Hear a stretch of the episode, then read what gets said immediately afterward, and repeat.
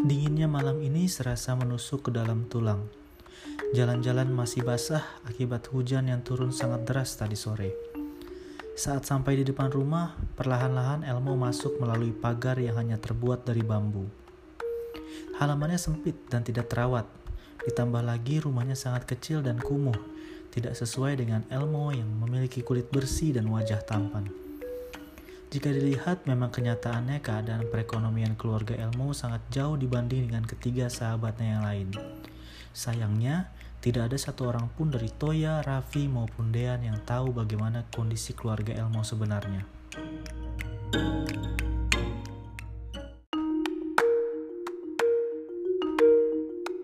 Rasa lelah telah menguasai tubuh Elmo, ditambah lagi baju seragamnya pun terkena bercak darah ingin rasanya segera masuk ke rumah dan beristirahat.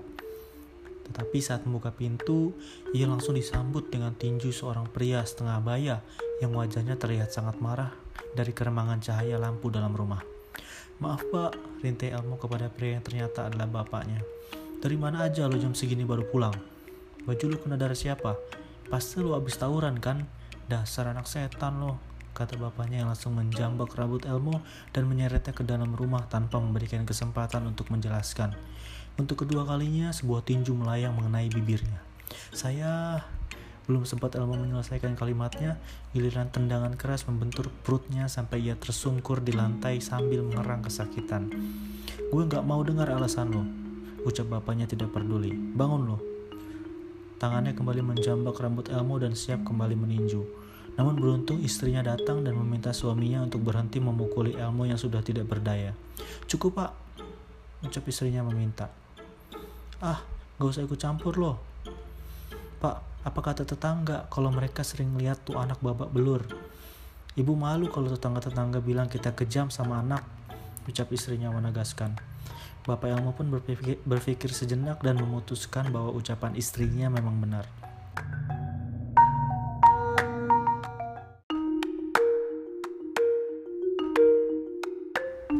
Pergi sana lo, bapaknya terlihat murka. Terima kasih pak, bu, ucap Elmo sambil menahan rasa sakit. Lu gak perlu berterima kasih sama gue, kecuali terima kasih dari lo itu bisa ditukar jadi duit.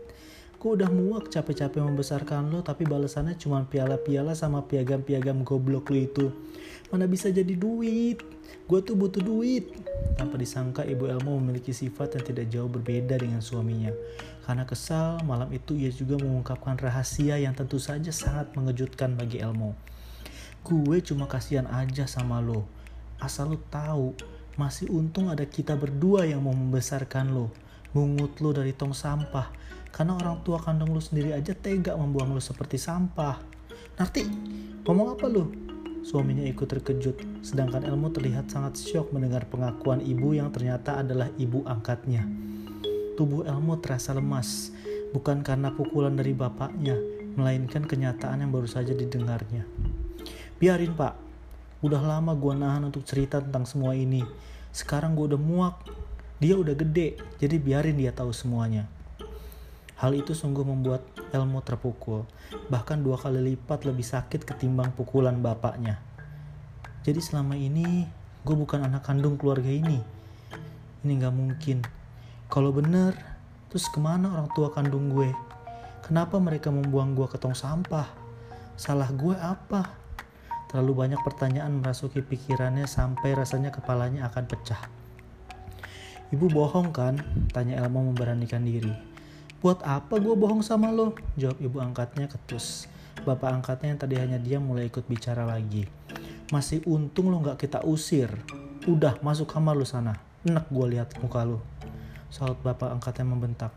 Dengan sisa tenaga yang tersisa, akhirnya Elmo berusaha untuk berdiri dan berjalan menuju kamar.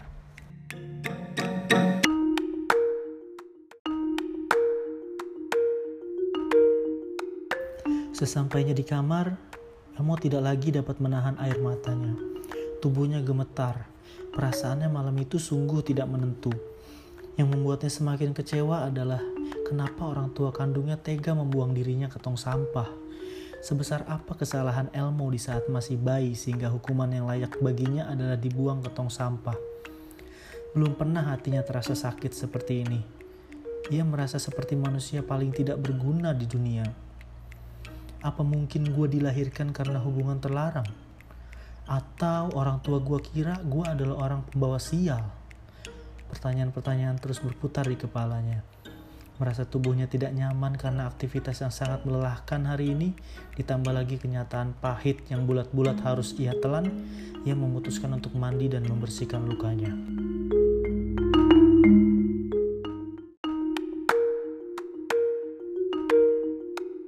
Saat Elmo membuka pakaian, terlihat bekas luka seperti sayatan benda tajam di punggung atas. Entah karena apa, karena sejak kecil ia sudah memiliki luka itu. Kemudian terlihat luka-luka memar di sekitar pinggang, perut, serta di daerah bibir yang sedikit membengkak. Sambil menahan nyeri, Elmo pun mulai mandi. Beberapa waktu kemudian, Elmo yang telah selesai mandi kembali ke kamar dan duduk di kasur jelek beralaskan tikar yang sudah sobek di berbagai sisinya. Saat sedang duduk, tiba-tiba saja Elmo teringat dengan kalung berbentuk persegi yang sudah terbelah menjadi dua sehingga hanya menyisakan potongan yang terlihat seperti huruf A.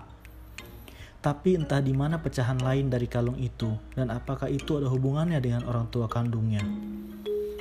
Elmo mencoba berbaring di tempat tidur sambil memandang piala-piala serta medali penghargaan yang pernah ia raih dalam bidang akademik maupun bidang karate.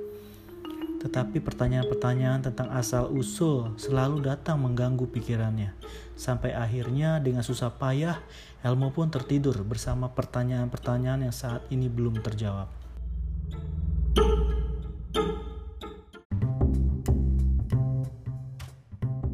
Hari ini aktivitas belajar mengajar di sekolah sudah kembali seperti biasa.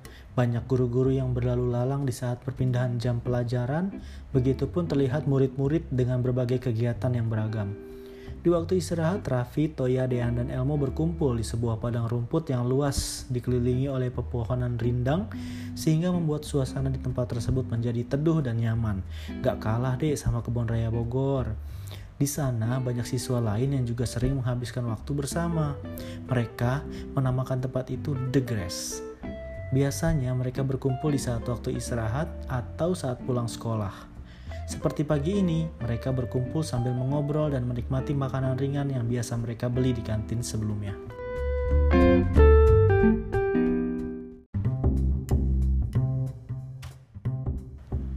Jangan bohong, Mo. Masa jatuh dari ojek lukanya kayak habis ditinju gitu? Tanya Raffi tidak percaya, karena menurutnya kurang masuk akal. Iya, Mo Lu gak percaya sama kita? Sahut Toya menambahkan. Hah? Tentu aja gue percaya, tapi gue benar-benar jatuh dari ojek. Jawab Elmo tetap tidak mau jujur, namun dalam hatinya ia sangat menyesal karena harus berbohong. Ngomong aja sama gue siapa yang bikin lo kayak begini, biar gue hajar dia. Gak perlu Toy, gue bener-bener jatuh dari ojek. Gini aja deh, mau gak mau sekarang kita terpaksa percaya lagi sama lo ya. Tapi lo harus ingat kejadian ini bukan yang pertama mau. Jadi kalau sampai kejadian ini terulang lagi, kita yakin pasti ada yang gak beres sama lo. Kata Raffi mengakhiri perdebatan dan mengambil jalan tengah. Ya gitu aja deh, kata Toya sependapat. Juga dia yang mengangguk pelan tanpa tanda setuju. Sedangkan Elmo lebih memilih untuk tidak menjawab karena takut memegang janji yang belum tentu bisa ia tepati. Eh, by the way, Lu pada sering merhatiin mobil sedan hitam yang parkir di depan gerbang itu gak sih? Kata Raffi sambil melirik ke arah mobil yang parkir di depan gerbang sekolah. Ketiga sahabatnya pun ikut melihat mobil tersebut. Enggak. Emang kenapa Raff? Tanya Elmo. Kalian sadar nggak? Mobil itu selalu ada di situ sejak beberapa hari lalu loh. Kata Raffi dengan nada serius. Masa? Gue gak pernah merhatiin tuh, jawab Toya sedikit heran, sekaligus kagum karena Raffi sangat cepat dalam merespon sesuatu hal yang sedang terjadi di sekeliling mereka. Kebetulan aja mungkin, jawab Elmo tidak yakin. Lu Raf, kalau ngafal kayak gitu cepet banget, tapi kalau pelajaran susahnya, jawab Dean menyindir. Gak ada hubungannya, jawab Raffi ketus. Kalau begitu kenapa saat kita di rumah sakit kemarin mobil itu juga ada? Ucap yang menambahkan. Mobil kayak gitu kan banyak. Gue hafal persis plat nomor mobilnya, Den. Kata Raffi hampir putus asa meyakinkan ketiga sahabatnya. Tetapi setelah Raffi berkata bahwa ia menghafal plat nomor mobil tersebut, semuanya berbalik serius mendengarkan. Serius loh, kata Elmo terkejut begitupun Toya dan Dean yang langsung melihat ke arah mobil sedan hitam yang sekarang berjalan pergi. Sepertinya si pengemudi menyadari bahwa ia sedang dibicarakan meskipun jarak antara mobil dan tempat mereka cukup jauh. Yah, mobilnya pergi tuh, kata Elmo yang sekarang cukup percaya dengan apa yang dikatakan Raffi. Sementara itu, Pandangan Toya teralih pada Rasya yang berada tidak jauh dari tempat duduk mereka. Sampai tanpa sadar, Rasya baru saja menoleh ke arahnya. Sesaat mereka saling pandang, namun Toya yang malu langsung berbalik dan tanpa sengaja menyikut perut Elmo. Aduh! Elmo merintih kesakitan karena siku Toya mengenai bekas luka tendangan orang tua angkatnya semalam. Eh, sorry Mo, perut lu sakit juga ya? Hmm, sedikit, ucap Elmo sambil memegangi perutnya. Kayaknya lu perlu diperiksa deh, Raffi menyarankan. Gak perlu, ku udah gue obatin kok. Kalau gitu nanti kita jadi ya ke kantor polisi, kata Toya mengganti topik. Boleh, asal jangan lama-lama aja. Gue paling males berurusan sama polisi, Raffi setuju. Sorry nih, kayaknya gue gak bisa ikut dulu, badan gue masih agak sakit soalnya. Gak apa-apa, mendingan lu istirahat aja mau, jawab Raffi mengizinkan.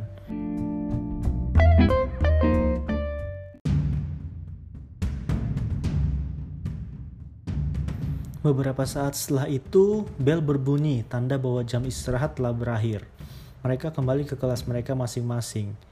Di kelas IPA 1 atau kelas Raffi, suasana sangat ramai dan tidak terkendali karena guru yang seharusnya mengajar tidak dapat hadir dan hanya memberikan tugas untuk dikerjakan. Raffi yang merasa bosan memutuskan untuk keluar dari kelas dan berjalan-jalan mencari udara segar. Saat sedang berjalan sendiri, entah kenapa ia merasa sangat kesepian Mungkin karena ketiga sahabatnya tidak ada yang satu kelas dengannya, atau ada masalah lain yang sedang mengganggu pikirannya. Tapi apa yang sebenarnya sedang ia pikirkan? Sepanjang jalan ia mencoba berpikir keras sampai tanpa sadar ia telah berada di taman depan sekolah. Di sana tanpa sengaja Raffi mendengarkan percakapan lewat handphone seseorang berpakaian jas hitam yang dikenal Raffi sebagai pengemudi sedan hitam yang sering menghentikan mobilnya di depan sekolah. Tuan Radit hari ini wajahnya dan tubuhnya terluka karena dipukuli oleh orang tua angkatnya, Tuan, kata pria misterius itu yang sepertinya sedang berbicara dengan atasannya. Radit, wajah dan tubuhnya luka. Raffi berkata dalam hati, bukan Elmo kan? Ia meyakinkan diri bahwa yang dimaksud pria misterius itu bukanlah Elmo. Saya akan terus mengawasinya, Tuan Besar, yang dapat kami pastikan adalah bahwa Tuan Radit tidak pernah mendapatkan perlakuan baik dari kedua orang tua angkatnya. Entah apa yang dikatakan oleh lawan bicaranya lagi, pria itu pun kembali berbicara. Baiklah Tuan Besar, begitu ada kesempatan saya akan langsung membawanya kepada Anda. Jawab pria misterius itu mengakhiri percakapan dan langsung pergi kembali ke mobil. Raffi yang sangat bingung tidak bisa berhenti berpikir apa yang sebenarnya terjadi.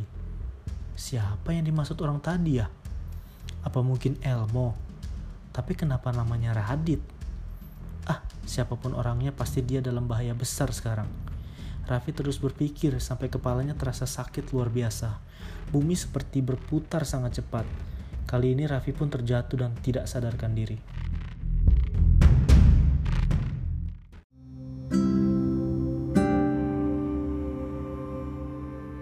Raffi terbaring di sebuah ruangan yang dikenalnya sebagai ruang UKS. Setelah cukup lama pingsan, perlahan-lahan Raffi mulai sadarkan diri. Raff, lu udah sadar? Lu kenapa? Tanya Toya sesaat setelah Raffi berhasil membuka mata. Lu gak kenapa-napa kan Raff? Elmo menambahkan. Emang gue kenapa ya? Tadi lu pingsan di taman depan. Elmo menceritakan yang terjadi. Pakai acara pingsan segala loh. Bentak Toya yang sebenarnya khawatir. Emang lu kenapa sih? Gak biasanya lu pingsan? Tanya Diana tidak bisa menahan diri untuk bertanya. Gue gak kenapa-napa kok. Emang sih sering pusing belakangan, tapi mungkin karena kecapean aja. Jawab Raffi yang juga tidak yakin. Pulang sekolah kita antar lu ke dokter aja gimana? Elmo menyarankan. Bener tuh, saut Dean ikut membujuk. Ada angin apa nih tiba-tiba peduli sama orang lain? Tanya Toya menyindir Dean. Seketika wajah Dean berubah merah padam. Jangan gitu dong Toy, secuek-cueknya Dean itu masih punya perasaan lah, Elmo, Elmo membela. Iya iya nanti gue ke rumah sakit deh, tapi sendiri aja, kan kalian mau ke kantor polisi. Jawab Raffi menerima saran ketiga sahabatnya. Mau gue anter nggak? Elmo menawarkan diri.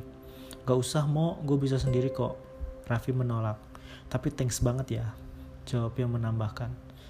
Ya kan setidaknya kita satu arah, jadi kita antar lu sampai depan rumah sakit aja gimana? Kata Toya kembali menawarkan. Tidak ada alasan lagi bagi Raffi untuk menolak, sehingga akhirnya dia setuju. Oke deh. Akhirnya mereka pun bersiap-siap untuk pulang karena waktu belajar telah selesai. Raffi yang keadaannya sudah lebih baik berjalan ke mobil. Seperti pembicaraan tadi pagi, mereka akan melaksanakan kegiatan mereka masing-masing. Elmo yang akan langsung pulang karena masih sakit, Raffi yang akan memeriksakan diri ke rumah sakit, serta Dean dan Toya yang akan ke kantor polisi untuk memberikan keterangan perihal kasus tabrak lari kemarin.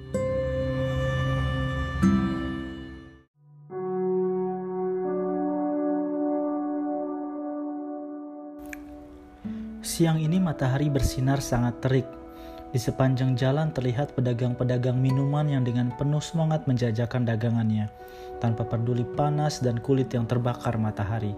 Tentunya semua yang mereka lakukan hanya untuk lembaran uang rupiah demi menyambung hidup mereka. Sesampainya di depan gerbang rumah sakit, Raffi berpamitan kepada ketiga sahabatnya sesaat sebelum turun dari mobil. Gue duluan ya Brad, ucap Raffi sambil menjabat tangan ketiga sahabatnya secara bergantian. Hati-hati Raff, Elmo berpesan. Kalau jatuh miss call ya, kata Toya meledek. Ketiganya pun tertawa. Sedangkan Raffi hanya menjawab dengan senyuman. Kemudian Toya, dan Elmo pun melanjutkan perjalanan mereka. Di dalam rumah sakit, Raffi berjalan menelusuri koridor panjang dengan bau khas rumah sakit yang membuatnya sedikit terganggu. Suasana tampak cukup ramai siang itu. Di hadapannya sekarang terhampar rumputan hijau penuh pepohonan dan bunga berwarna-warni yang sedang bermekaran. Bau khas rumah sakit pun tidak lagi terasa, tergantikan oleh wangi-wangi bunga yang memenuhi indera penciumannya. Di sana Raffi melihat seorang cewek cantik. Ia sedang duduk di sebuah kursi roda. Sepertinya ia lumpuh dengan pandangan kosong. Ia melihat lurus ke depan. Sepertinya ia juga tidak bisa melihat.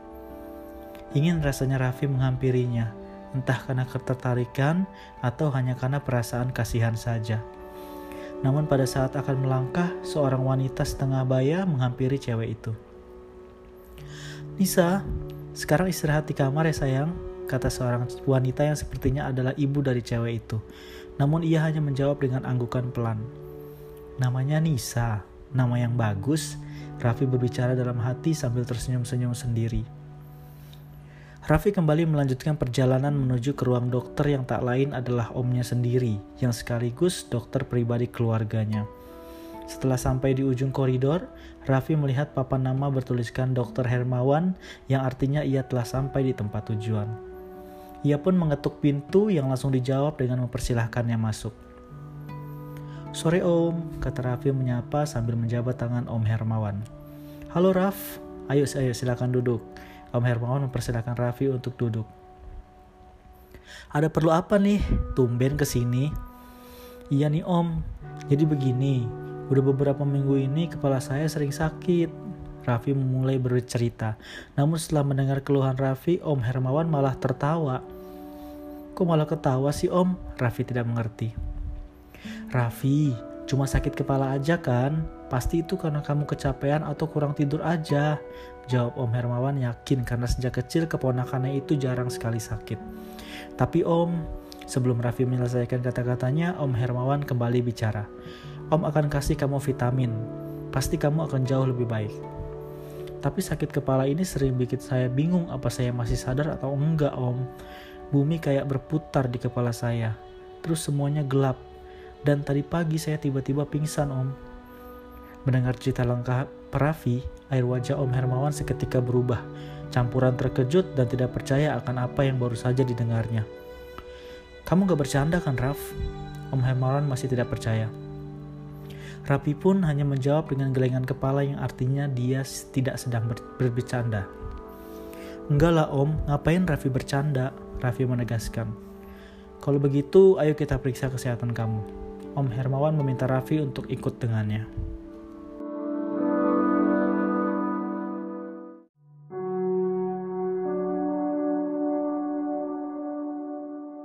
Perlu waktu yang cukup lama untuk memeriksa keseluruhan kondisi kesehatan Raffi, sampai akhirnya matahari digantikan oleh bulan. Ia baru selesai menjalani serangkaian proses pemeriksaan. Bagaimana om? Tanya Raffi penasaran. Maaf Raf, om belum bisa kasih penjelasan apa-apa sekarang, karena masih banyak yang harus diteliti di laboratorium. Om Hermawan berubah muram. Tapi menurut om saya baik-baik aja kan? Raffi terus menginterogasi. Pasti, asal kamu tetap jaga kesehatan dan jangan lupa berdoa. Bagus deh kalau gitu om. Ngomong-ngomong, kabar orang tua kamu bagaimana Raf? Ya seperti biasa, kabar terakhir yang saya dengar mereka ada di Hong Kong. Mungkin bulan depan baru pulang ke rumah. Jawab Raffi yang sudah terbiasa ditinggal oleh kedua orang tuanya selama berbulan-bulan untuk urusan bisnis. Karena ia adalah anak tunggal, sehingga di rumah ia hanya tinggal berempat dengan kedua orang pembantu yang sudah merawatnya sejak kecil dan tukang kebun yang biasa mengurus halaman rumah yang juga merangkap sebagai sopir keluarga.